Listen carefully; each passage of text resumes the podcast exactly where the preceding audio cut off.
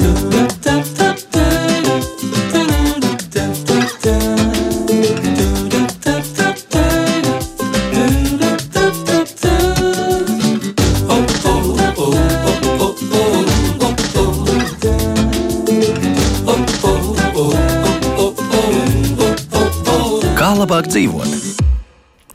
Esiet sveicināti, kā labāk dzīvot, kā katru rītu esam kopā ar jums. Studijā Kristiāna Lapiņa, raidījuma producenta Loreta Bērziņa, bet pie skaņa pulta šodien Iveta Zvejniece. Gribu sākt ar interesantu lietu, kas mani pašu ļoti aizrauja, un es esmu daudz par to domājusi.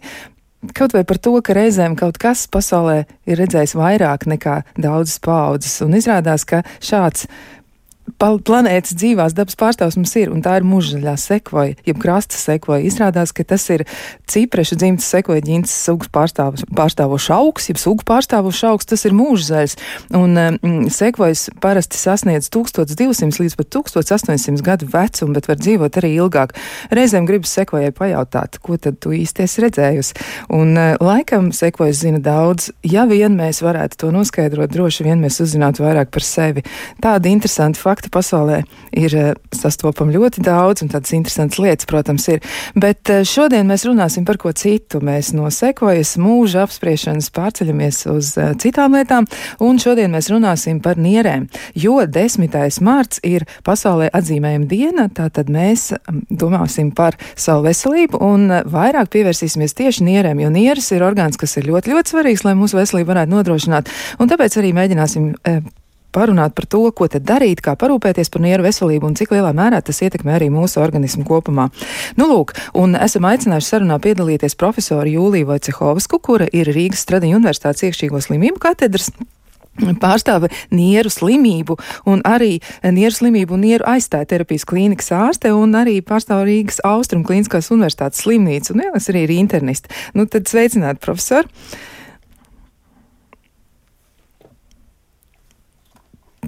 Tā.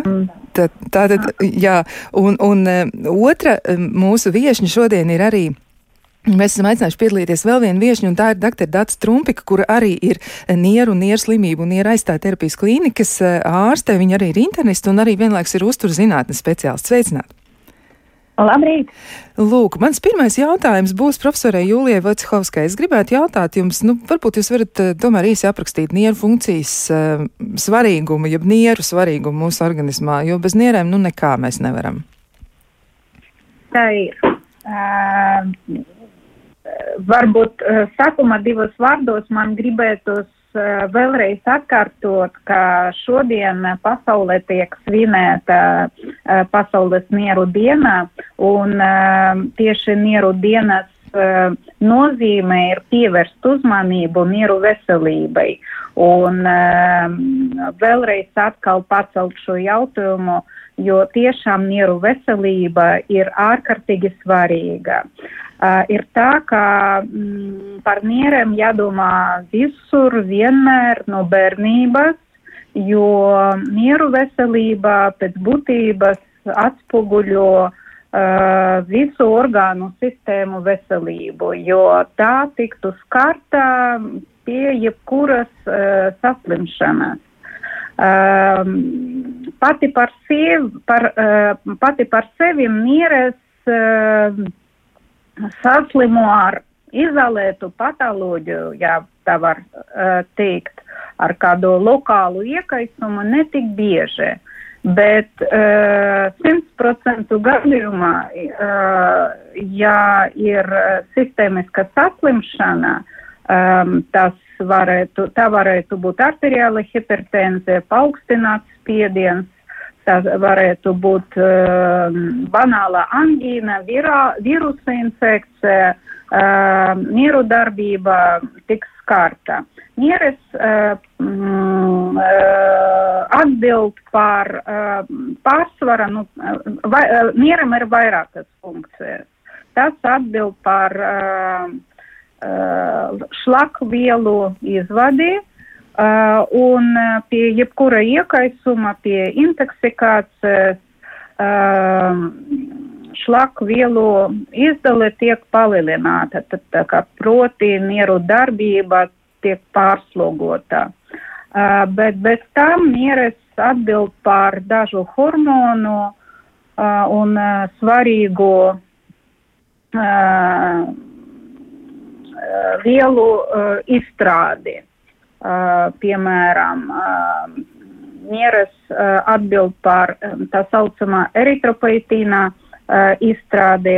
Eritropoetīns ir um, vitāli svarīgs. Um, uh, lai, lai, lai organismā būtu uh, normāls hemoglobīna līmenis. Hemoglobīns atbild par um, dzelzs transportu, un tas ir, um, tas, tas, tas pasargā no anemijas. Uh, kā arī regulē svarīgu elektrolītu vielmaiņu, tas ir kālijs, tas ir natrijs, tas ir kalcijs, tas ir um, fosfors, um, elektrolīti, kuri atbild par uh, šūnu aktivitāti, kā par šūnu dzīves ciklu, tā mēs varam teikt. Tā kā, ja tiek skarta mieru darbība, attiecīgi ir metaboliski traucējumi, ir anemija, ir uh, intoksikācija, uh, un uh, viskopā tas uh, patreiz tradicionāli mēs saucam par hronisku mieru slimību, kura var sākties akūti, bet diemžēl lielākoties tā attīstās pakāpeniski, nemanāmi uh, citu orgānu sistēmu saslimšanas gadījumā, kā rezultāts. Mieres um, kādreiz sauc par mērķa orgānu, tas ir mērķa orgāns, kurš tiek bojāts, pieņemsim, uh, aterosklerozes gadījumā, un tā ir tipiska um, uh, arteriālas hipertenzijas uh, komplikācijām. Jā, tā tad ļoti daudz dažādas funkcijas nierēm ir, un tad tiešām jāsaka, ka tas ir nu, tā ārkārtīgi svarīgi, lai mēs par nierēm parūpētos. Vai jums ir arī zināmi dati, profesori, par to, cik daudz Latvijā ir pacienti, kuriem ir dažādi veidi nieru problēmas un kuras ir tad sastopams biežāk? Nu, Latvija ir tā kā pasaulē mums, mūsu, mūsu dati sakrīt ar pasaules datiem. Aptuveni katram desmitam iedzīvotājiem, nosacīti veselam cilvēkam, bet pēc būtības tas ir pacients, pacients ar nieru problēmām. Ar mieru slimību. Tā tad sanāk tomēr diezgan daudz. Nu, sakiet, kā, kā tad var diagnosticēt problēmas? Ar ko tad mēs varam saprast, kas par to liecina, ka kaut kas ar nierēm īsti nav labi? Profesor, es gribētu, uh, jā, lai jūs vēl raksturojat, kā, kā tas, kā nu, to varētu noteikt? Uh, ir, savā ziņā pastāv skrīninga um, protokoli, un, uh, kurus pielieto ģimenes ārsti, uh, kurus mēs, kā mm, ārstējošie ārsti, slimnīcas ārsti, uh, kad mm, pacients tiek stacionēts, pielietojam, jo ir rādītāji, kuri atspoguļo mieru funkciju, un tā kā es jau teicu, mieru funkcija pati par sevi nenozīmē tikai šlakvielu izvadi, un tas šlakvielas ir tā saucamais kreatinīns, slāpekļa produkts,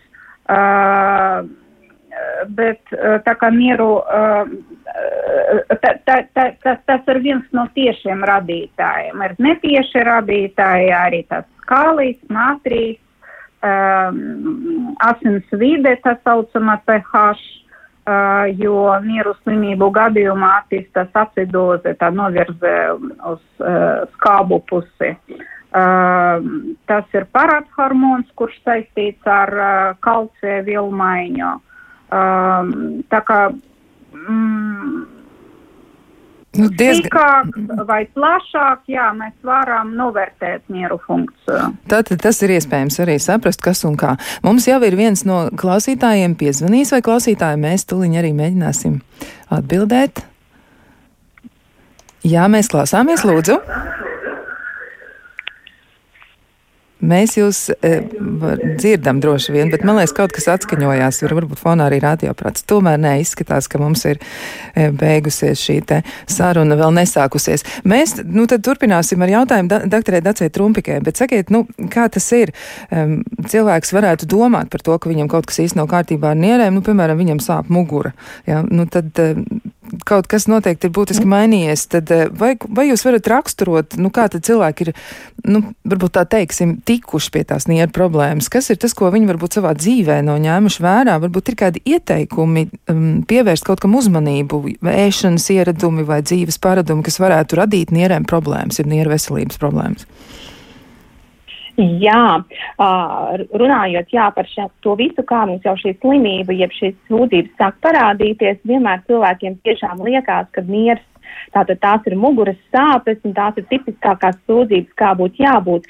Bet patiesībā muguras sāpes tās būtu, ja mēs tās saistām ar nierēm, tad tās būtu jau kāds akūts iekaisums, kad nieras tiešām arī mums sāp vai kāds nierakmens, bet ja mēs runājam par hronisku nieru mazspēju, tad patiesībā tās sūdzības ir ļoti nespecifiskas un viņas pienāk tā pavisam nemanot un cilvēks tiešām var palaist to brīdi garām, kad ir parādījusies nozī, nozīmīga nopietna nieru mazspēja, tad, tad tā var būt tās vienkārši kā tāda viegla intoksikācija, pacietināta apetīte, nogurums, varbūt āda sausa. Un par to, protams, ka nekad neviens neaizdomāsies, ka pie vainas jau šeit ir mieres.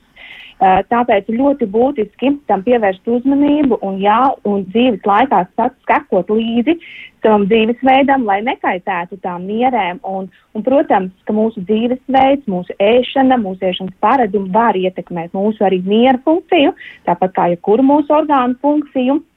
Un, un, protams, Ja mēs skatāmies no tāda varbūt tās uzturviedokļa, kas mums varbūt var pasargāt tā kā tāds profilaktisks, preventīvu pasākumu, tad, protams, ka tā ir šķidrumi, šķidrumu uzņemšana attiecīgi mūsu vecumam, svaram, dzimumam piemērojams, jo, nu, visi zinām, tiek teikts, ka divi litri šķidrums ir tas, kas tiek rekomendēts.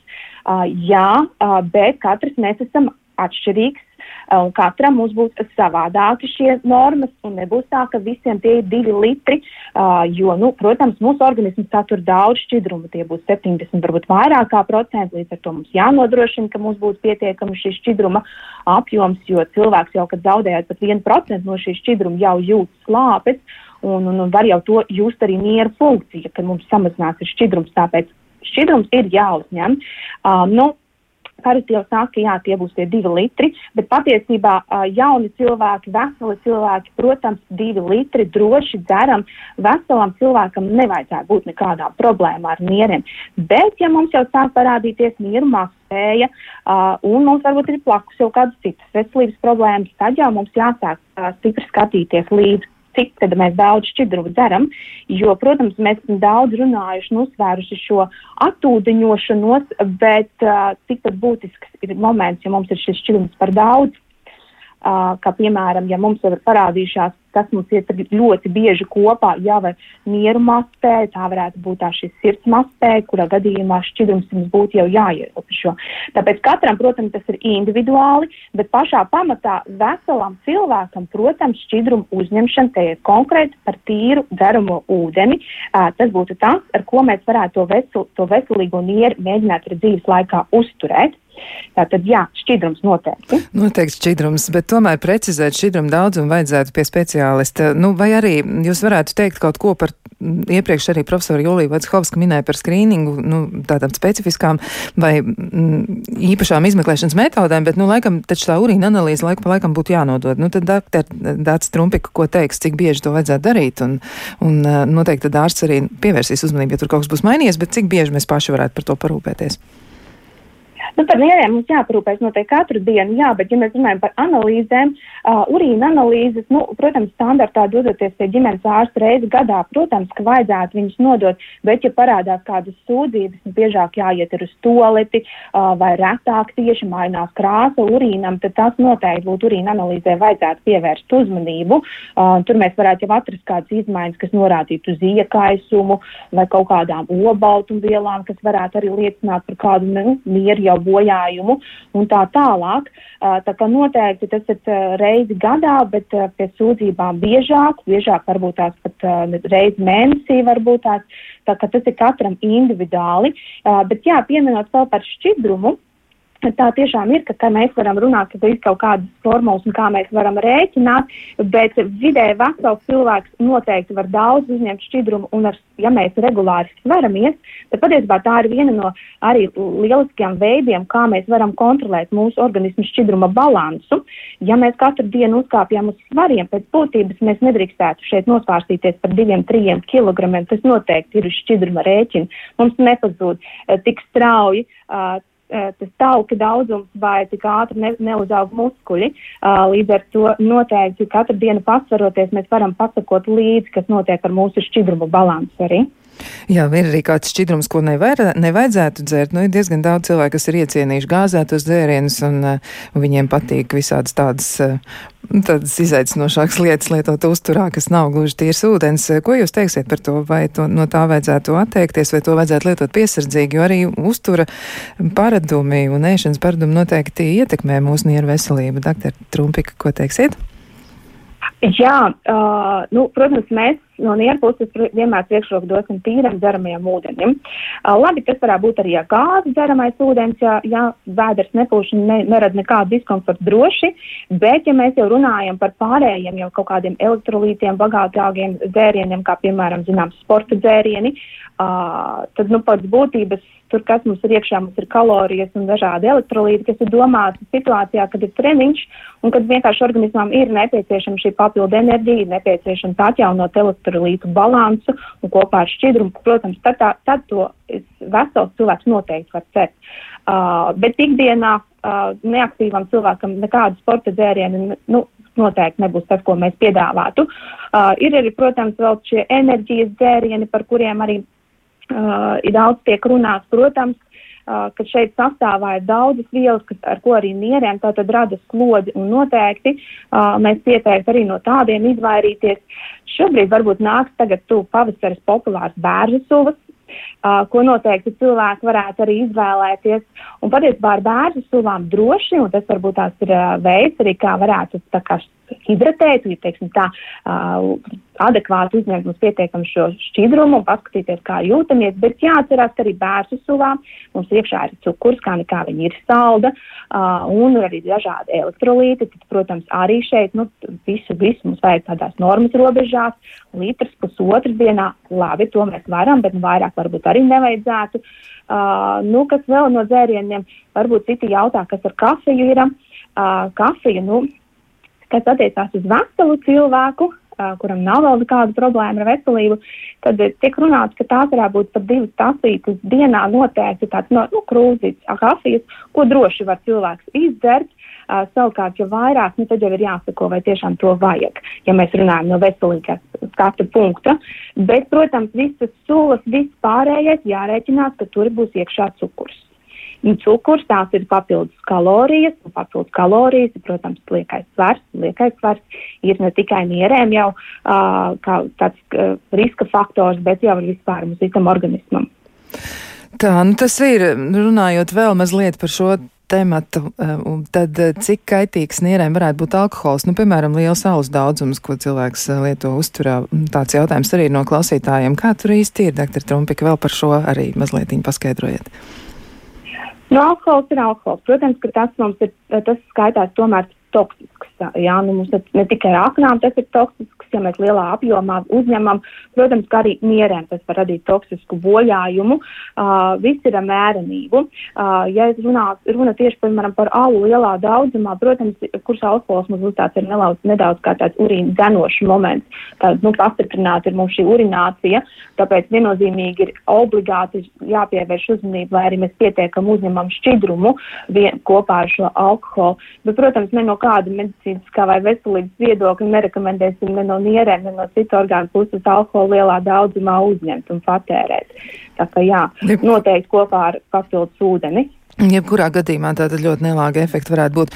Nu, un te ir arī brīdis, kad es gribētu atgriezties pie profesors Jūlijas Vecehovskas un jautāt, pāradresēt klausītāju jautājumu. Un viena no klausītājiem raksta, ka viņai ir veikta ārpuszemes apaugļošana, un eh, pēc tam ir paaugstināts alat. Un tad, eh, ko jūs varētu teikt par to? Vai tas varētu būt eh, sastarpēji saistīts kaut kā, un kā jūs to komentētu?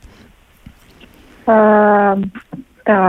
Uh, Vēlreiz, kas tika veikts, kas par procedūru? Procedūra ir ārpus dzemdas apaugļošana. Tātad tas ir veikts, un tad à, ir konstatēts, jā, ka ir alet, ir paaugstināts rādītājs, un viņi jautā, ko tas varētu nozīmēt.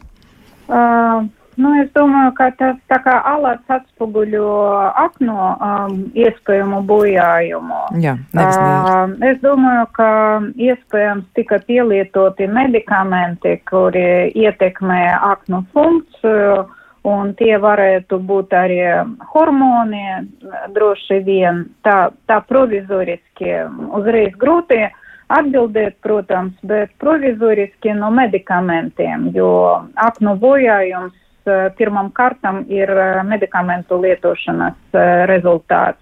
Tas ir atgriezieniskas izmaiņas.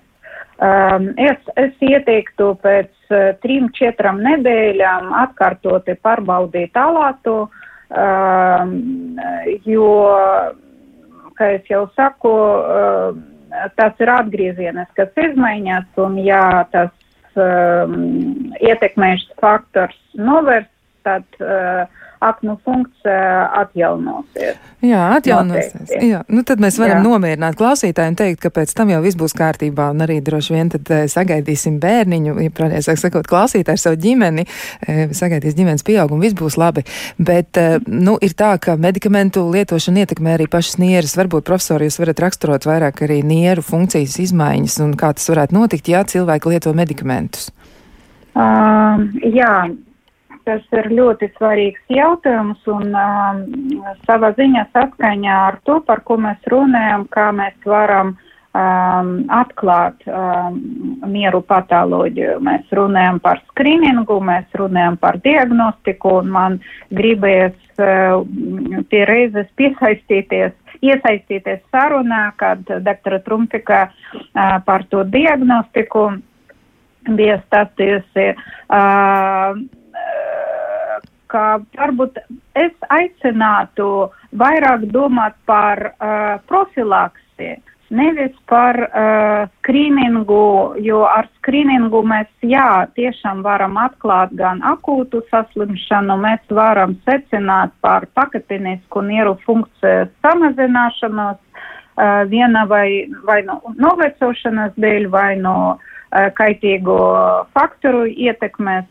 Um, dēļ, bet uh, es vēlreiz es aicinātu domāt uh, uz priekšu, būt gudram, būt atbildīgam par savu veselību un it īpaši mieru veselību un atcerēties, ka uh, uzņemot jebkuru medikamentu, jebkuru vitamīnu, jebkuru pārtikas piedevu, mēs uh, tiešām patieso ietekmē mieru darbību. Uh, vairāki medikamenti izdalās pataisno caur nierēm, un tas patiešo mm, kaitē uh, nierēm.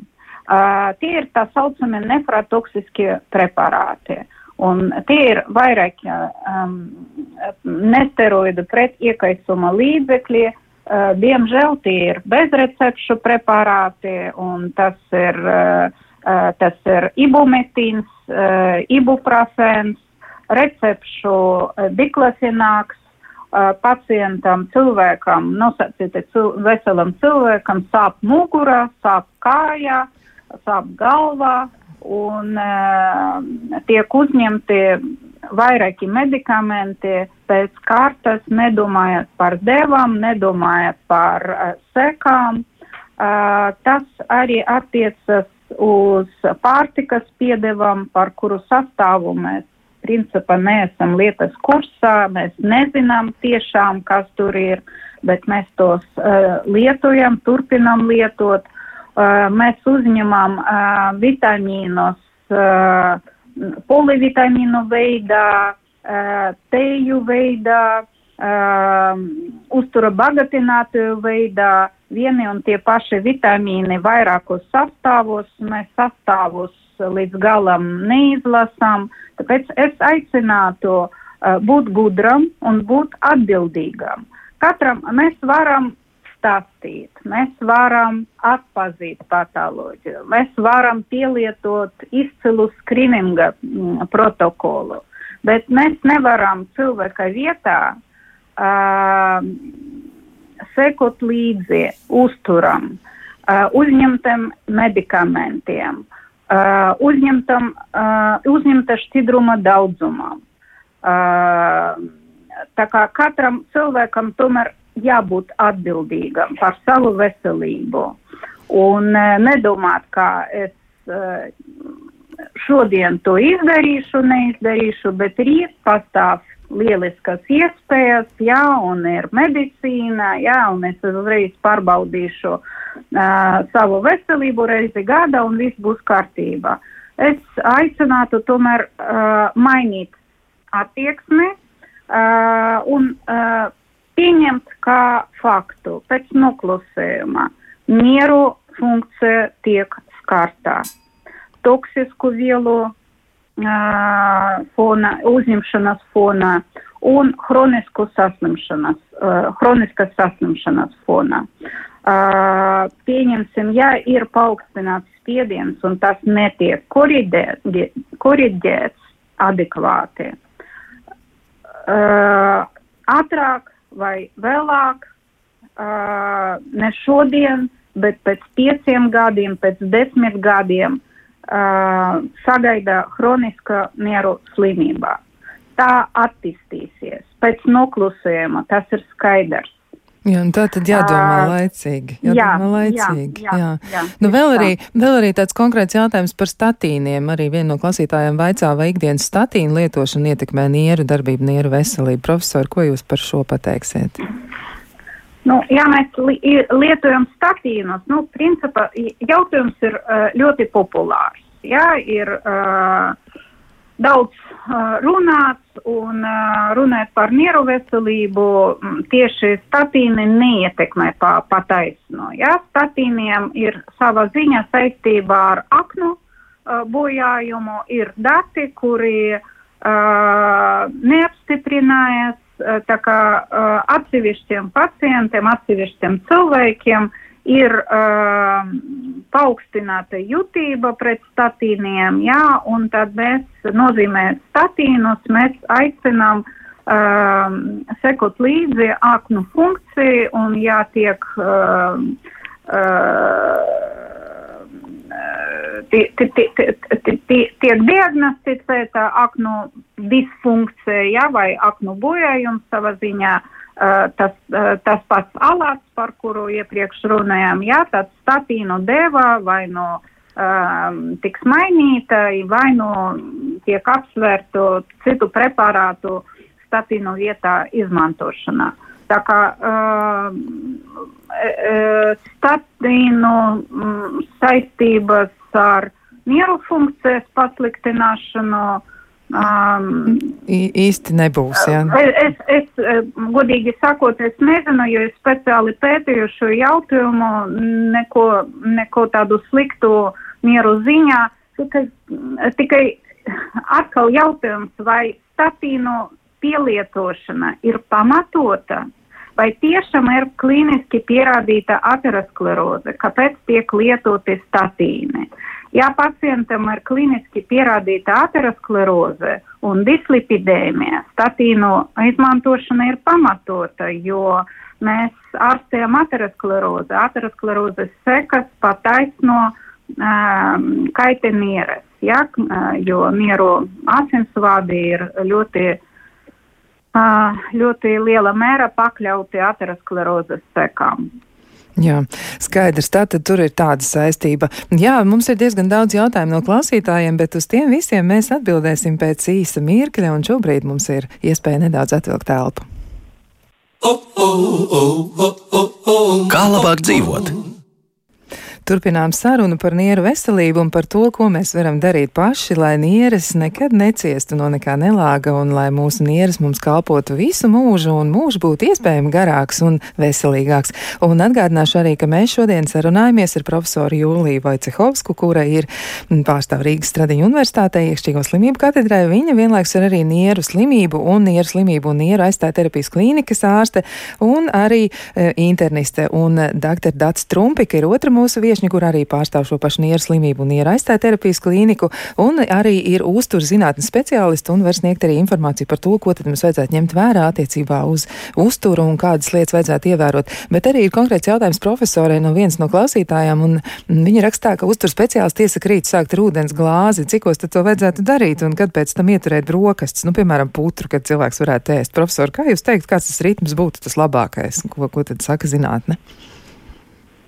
Uh, tā kā uh, runājot par konkrētu sezonu, uh, tā kā varbūt es nevis par sapratu jautājumu. Nu, doma bija tāda, droši vien, ka, nu, varbūt ir kāds ieteikums, vai tā ūdens glāze no rīta tikko pamostoties, vai tas ir tas uh, labākais veids, kā uzsākt dienu, un ja tas ir tā, tā jādara, varbūt tur ir kāds Nu, intervāls. Slikts, Nekas slikts ne- nenotiks. Nekas slikts nav. Es ieteiktu tā, ka uh, ja, tas ir labs parādums. Jā, tas nav obligāti. Jā, tā kā tomēr jārēķinās ar to, cik uh, viegli to uztver mm, jūsu organisms. Jā, ja tas nepatīk. Jā, tā kā jūs variet atlikt to mm, um, ūdens glāzi uz vienas otru pusi, jā, tā kā um, zinātnē, uh, zinātne ieteiktu mm, ieklausīties sevi. Jā, un tad labāk saprast pašam sevi, kā tad es ar to jūtos. Starp citu, jautājums arī, vai ūdeni var pārdozēt, jā, nu, tad uh, varbūt. Uh, ūdens, jā. ūdeni var pārdozēt, jā, kā doktora Trumpika jau minēja, jā, ja mums jārēķināt ar uh, to, ka uh, varbūt nevis nieres, bet, nu, pieņemsim, uh, sirds un asinsvadu sistēma ir pārslogota un tā kā nav spējīga vienkārši nodrošināt um, liela apjoma izvādi. Ja? Tā kā um, jāseko līdzi uzņemta un izdalīta šķidruma bilancei. Jābūt gudram, jābūt atbildīgam. Jābūt gudram un atbildīgam, bet ja mēs eh, domājam par veselu cilvēku, veselu organismu, kāds varētu būt tas aprēķins, cik tad mililitru ūdens uz kilogramu vajadzētu rēķināt, vai ir tāda iespējams varbūt tādu formulu izmantot? Jā, uh, es varbūt tās ieminēšos. Um, uh, jā, mēs varam atrast, un tā tiešām ir tiek rekomendēts, ja mēs gribam mērīt rēķināt uz kilogramu svaru, tad tie ir vidēji apmēram 30 ml, ko mēs varētu izrēķināt. Bet ir jāatcerās, ka, ja mēs runājam par šķidrumu, par ūdens uzņemšanu, tad nav jau tā, ka tas ir viss tikai tīrā ūdens veidā. Mēs tomēr arī ar pārtiku uzņemam šķidrumu apmēram vismaz ceturtā daļa no dienas uzņemtā šķidruma mums nāks no uztura. Uh, ko mēs būsim uzņēmuši. Un to mēs arī rēķinam iekšā. Mēs rēķinam, ja mums ir sulas, augļi, dārzeņi, kas arī bagātīgi šķidrumu. Tātad, jo īpaši tas ir ļoti būtiski tiem um, cilvēkiem, tiem pacientiem, kas ir kaut kāda jau, piemēram, šī minētā hroniskā sirds mazspējas problēmas vai kaut kāda jau nieru mazspēja, šķidruma izvade vai aiztura organismā ir izmainīta, kā rezultātā tam ir būtiski jāpievērš uzmanību un jāparēķina. Ja tomēr tas uzturs sastāv no zupām, tad tur jau būs arī diezgan daudz šķidrums uzņemts. Tā tad jāliek lietas kopā. Nu, vēl arī jautājumi ir, un tad varbūt arī dr. Dats Trumpik uzreiz varēs atbildēt. Nu, viens no jautājumiem ir tāds, klausītāji jautā, kāpēc veidojas nierakmeņi, vai tas varētu būt saistīts ar to, ka lieto daudz tomātu sulu, vai tad, ja to dara, un tā ir tāda iecienīta sula uzturā, vai tad varētu nierakmeņi izveidoties? Kā jūs varētu paskaidrot šo aspektu? Nu, nierak Mierakmeņi, protams, kad viens moments, kad mums nu, organismi ir dažādi, jā, un ir kam ir tendence uz to, un, un, un tad ir vairāk riska faktori, kas mums ietekmē šo mierakmeņu veidošanos. Un viens no tiem ir atkal jau es atkārtošies šī šķidruma uzņemšana. Ja mēs ilgstoši, teiksim, tā nepietiekam arī uzņemam šķidrumu, teiksim, tāds mums hronisks viegli dehidratācija organismam ir, tās palielina risku, ka šo mierakmeņu mums var veidoties. Protams, tā varētu būt arī kaut kāda metaboliska īpatnība vai kaut kāda citu hronisku saslimšanu fonā šie ierakmeņi veidojās, tā ka faktori tur ir daudz un dažādi. Bet, ja mēs runājam par tādu profilaktisku, preventīvu momentu, kad ir jau kāds ierakmenis bijis, tad noteikti šeit ir atkal šī šķidruma uzņemšana. Tad, tad mums vajag tādu visas dienas laikā uzņemt konstantu šķidrumu, tā lai būtu šī nepārtraukta, skalošana. Tādā veidā mēs pasargātu risku, ka varētu šis. Um, šie, šie nierakmeņi veidoties, bet nu, ne, nebūs tā, ka mēs tomātu sulu vien dzersim un tāpēc būs nierakmeņi. Uh, visticamāk, tas nebūs vienīgais, nu, tas tāds iemesls. Uh, te visticamāk, ja būs jau fonā kāds iemesls, kāpēc ir tendence tiem akmeņiem veidoties. Jā, skaidrs. Nu, tā tad arī tās, nu, vēl klausītāji raksta, ka organisms ir gudrs mehānisms. Ja trūkst ūdens, tad cilvēks jūt slāpes un tad arī dzer. Un viņi raksta arī, ka vairāk par vienu litru ūdens viņi nekā nevar dabūt iekšā, tas ir maksimums. Nu, protams, tad būtu jāzina arī uztur īpatnības. Bet vai tā ir pareizā taktika sagaidīt, kad ir slāpes? Jā, vai, vai tomēr vajadzētu nu, tā dzīvot, lai neizjustu slāpes? Ko doktor Trumpik teiks? Nu, patiesībā slāpes, nu, ir mūsu smadzenēm jau signāls, ka organismam kaut kas trūkst. Nu, mums pēc būtības nevajag sagaidīt, ka mūsu smadzenes jau sāk liekt, ka mums ir kaut kas nepietiekams, kā piemēram šis šķidrums, jā, kad jāiet padzerties. Tāpēc jau vienmēr mēs rekomendējam tomēr, ka šo šķidrumu mēs uzņemam visas dienas laikā uh, pa, pa glāzē un tādā veidā izdalām, lai, lai tiešām mēs neizjustu šīs slāpes, kas ir tiešām trauksmes signāls organismam. Uh, un jūs jau pareizi arī minējāt, uh, kad katra uzturu paradumu jāpavēro par to, uh, ka varbūt tiešām tas ir litrs, ir pilnīgi adekvāti, jo pilnīgi iespējams, ka pārējais uzturs mums pietiekami, ja satur arī šķidrumu. Jā, vēl jautājums, un varbūt šo es varu pāradresēt profesorai Jūlijai Vocihovskai. Viņa no klausītājiem saka, ka e, nu, kādu labu laiku jau iepriekš ir konstatēts paaugstināts kālija līmenis, un tas gadiem ilgi ir 5,7, 6,0, un tam sen jau ir pievērst uzmanību e, gastroenterologs, ar ko viņa ir konsultējusies, un viņš par to bija norūpējies. Teica, ka tas liecina par virsnieru vai nieru vainu. Pēc tam citi ārsti ir teikuši, ka tas nekas, ka tā ir organisma īpatnība. Nu, tad vai tā ir? Klausītāji ir e, noraizējusies, viņi grib saprast, ko tas nozīmē, ja tas kālijas paaugstināts ir. Tad tad kā, kā uz to rēģēt? Un viena ārsta saka, ka tur vajadzētu padomāt par to, kas ir, citi saka savukārt, ka tā ir īpatnība. Um, nu, um, kālie līmenis um, um, daļai atkarīgs arī ne tikai no nieru funkcijas, bet arī atkarīgs no uztura īpatnībām. Jā, tā kā es uh, pajautātu uh, sīkāk par um, uztura sastāvdaļām, jā, uh, uzsverts ir um, uz uh, augļiem ar kaliju bagātiem produktiem, kas ir augļi, kas ir uh, dārziņi, um, tad, um, un tie uh, reizes um, es pajautātu par, um, par to, vai nav tieksmes uz uh, uh, konstipācijām, tā kā, kā ar vedera izēju, ar citiem vārdiem sakot, jā, jo tas arī varētu paaugstināt kāliju līmeni. Atkal man būtu jautājums par medikamentiem, kuri medikamenti tiek lietoti, jā, jo vairākiem medikamentiem šodien ļoti plaši izmantotiem pret hipertenzijas medikamentiem ir kālija aizturošs mehānisms. Um, dažiem diuretikiem arī. Jā, tā kā es uh, pārunātu šos jautājumus, un tātad, ja ar virsnieram ir problēma, tur ir um, savas, um, sava simptomātika, specifiska uh, asinsspiediena uh, izmaiņas. Um, tā kā noteikti es uh, uh, ieteiktu iziet cauri visam šam, šim lietām, jā, jo kālie līmenim jā, jābūt tomēr normas robežās.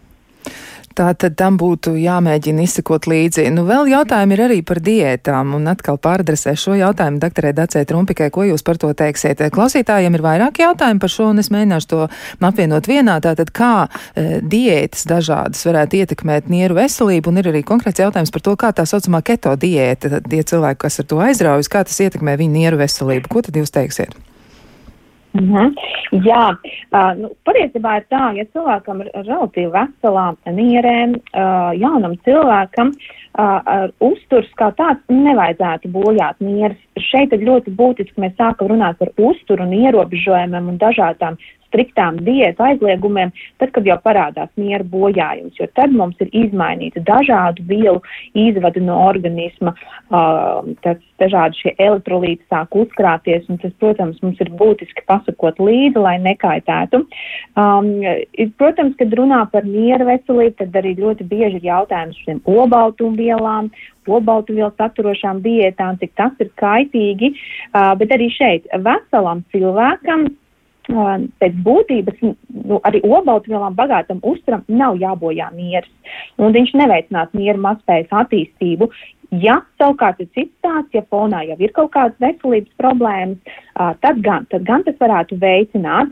Līdz ar to arī tam būtu jāsāk pievērst uzmanību, jo īpaši, ja ir jau kaut kāda miera makspējas pazīmes. Um, jā, uh, un, un kas attiecās uz arī keto diētām, šeit ir tas pats stāsts. Ja mēs runājam par diētām, par uzturu, kad jau parādīsies ir uh, nieru mastē, tad viennozīmīgi nekādu šādu striktu diētu nebūtu ieteicams. Tas, kas ir uh, pacientiem, ja nu, cilvēkiem ar nieru mastēs risks, ir šī arī um, nu, diētas pamatā pie, die, nu, pie uh, Miera mazspējas slimniekam ar daudziem, daudziem ierobežojumiem. Kā rezultātā uh, nereti tā, ka netiek dienas laikā tomēr uzņemt pietiekamā daudzumā šī enerģija un tā tālāk. Kā rezultātā pacients pamazām sāk arī izsīkt. Un, un, un sāk parādīties smara krišanās, nespēks un tā tālāk. Un tāpēc šādas striktas to papildus diētas ar kaut kādiem noteiktiem ierobežojumiem tikai varētu pasliktināt vispārējo stāvokli, kas jau tālāk atkal miera funkciju ietekmētu.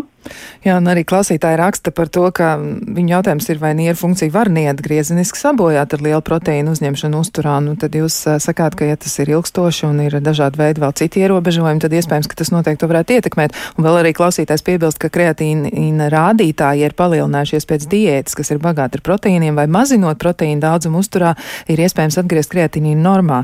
Nu, tad kā tas būs, dr. Trumpika?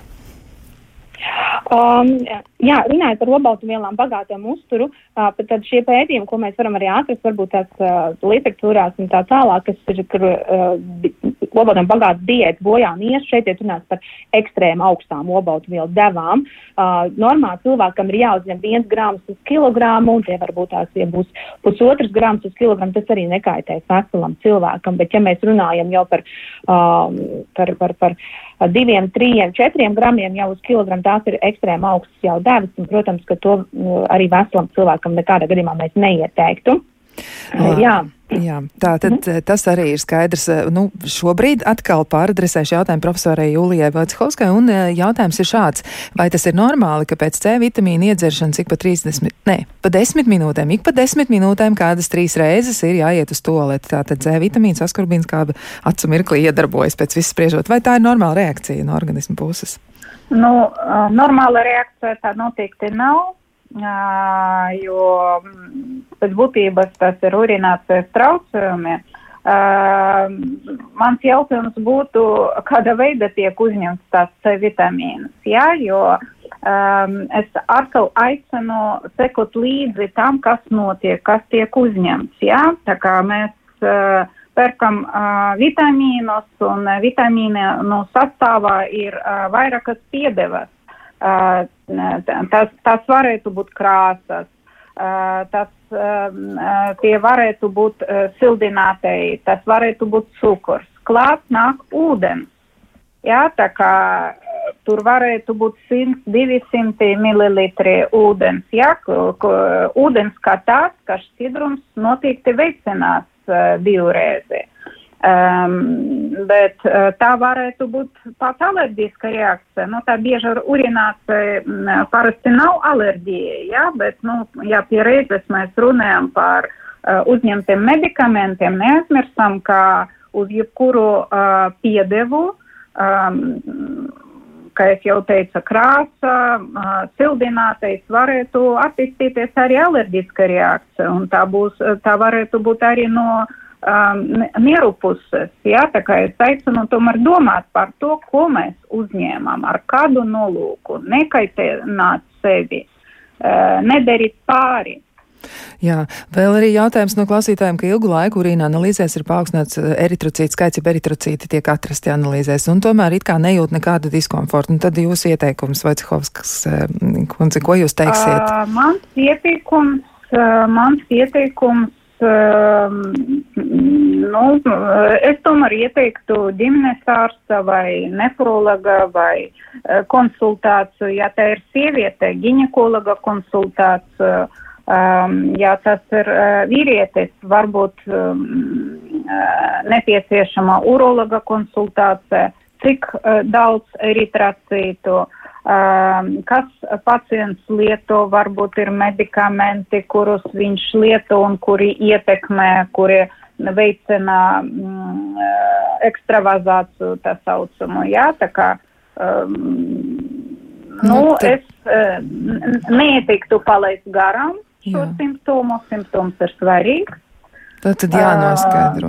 Tomēr jā, jā, jānoskaidro, jānoskaidro, kas tur jā. ir. Nu, ļoti, ļoti īsi mēs varam atbildēt vēl uz burtiski dažiem jautājumiem, un šobrīd atkal pāradresēšu tos Dacei Trumpikai. Un uh, jautājums ir tāds, ir podagra, uh, kādam no klausītājiem tā tad ir šāda problēma, tā tad ir podagra, vai tas ir saistīts ar nieru problēmu, un lietoju pat spiedienu pazeminošu zāli. Anotācijā rakstīts, ka podagras pacienti nevar šādas zāles lietot, savukārt dakteris saka, ka tas nekas nav, un arī ir bijusi nierakmeņa slimība, nu, konkrēti šai klausītājai, tātad viņa apraksto savu situāciju. Nu, kā tad ir, ja ir podagra, vai tas ir saistīts ar nierēm?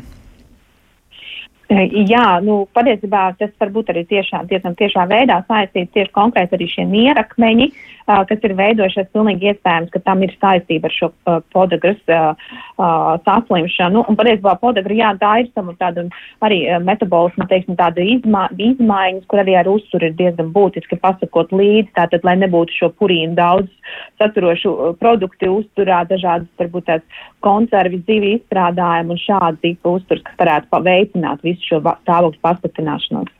Jā, nu, izskatās arī, ka tie citi jautājumi noteikti būtu arī jāmēģina pāradresēt savam ģimenes ārstam vai speciālistam, jo jautājumu ir diezgan daudz. Nu, varbūt mēs uz vienu vēl varam pagūt atbildēt. Profesori minēja, ka paaugstināts asinsspiediens ietekmē aknas, un eh, vīram ir paaugstināts spiediens, tātad augšējais, eh, jeb eh, nu, šis te sistoliskais spiediens ir 143, bet viņš saka, ka viņam ir 41 un viņš zāles nelietos. Ja? Un ģimenes ārsts gan iesaka, ka nu, vajadzētu kaut ko darīt, bet ko tad, ko tad teikt, lai vīrs ieklausītos? Nu, varbūt doktori Trumpika varētu iedot tādu uzmundrinājumu, ko tad darīt, lai ietekmētu vīru, lai viņš tomēr rūpēs par savu veselību. Nu, jā, vīriešiem mums ir grūti ietekmēt. Jā, tā tas ir. Uh, nu, uh, protams, ka ir ļoti būtiski pievērst uzmanību tam asinsspiedienam, un ja tas tiešām ir tendence būt visu laiku paaugstinātam, uh, pirmkārt, protams, sāksim ar dzīvesveidu maiņu, uzturs, ja liekais svars mazināsim uzturu, sāli mazināsim uzturā. Tad, tad ir daudz momentu, ko mēs varam ar dzīvesveidu smēķēšanu ņemt nost, ja tāda ir alkohola lietošana, aktivitātes regulāls fiziskās. Un iespējams, ka varbūt tās tiešām šajā vecumā vēl šo um, medikamentozo terapiju varam atlikt un varbūt tādā veidā var panākt jau spiedienu stabilizēšanos. Bet, ja, protams, ir tendence visu laiku būt paaugstinātam, nu jārēķinās, ka tas gadu gaitā tomēr atspēlēsies arī mūsu mieru funkcijā, tāpēc varbūt ir laicīgi jāsāk, jā, noteikti jāsāk laicīgi būt lietot medikamenti. Jā, es, paldies, paldies par jūsu atbildēm. Paldies profesorai Jūlijai Vacihovskai un arī doktorai Dacei Trumpikai, bet jautājumu klausītājiem arī ir daudz un, un noteikti mums pie šī temata ir jāatgriežas un neskatoties to, ka citās dienās mēs neatzīmēsim pasaules nieru dienu, mēs tomēr par to tematu runāsim vēl un vēl, lai klausītājiem palīdzētu atrast to labāko veidu, kā parūpēties par savu veselību. Ar to es no jums šodien arī atvedos, bija studijā Kristiāna Lapiņa, bet mēs tiksimies ar jums kādu citu reizi reizi, un lai jums mierīga un jauka un tāda nu, bez rūpēm, bez rūpēm un ar rūpēm neapēnota diena. Nu, tiksimies kādā citā reizē. Visu labu!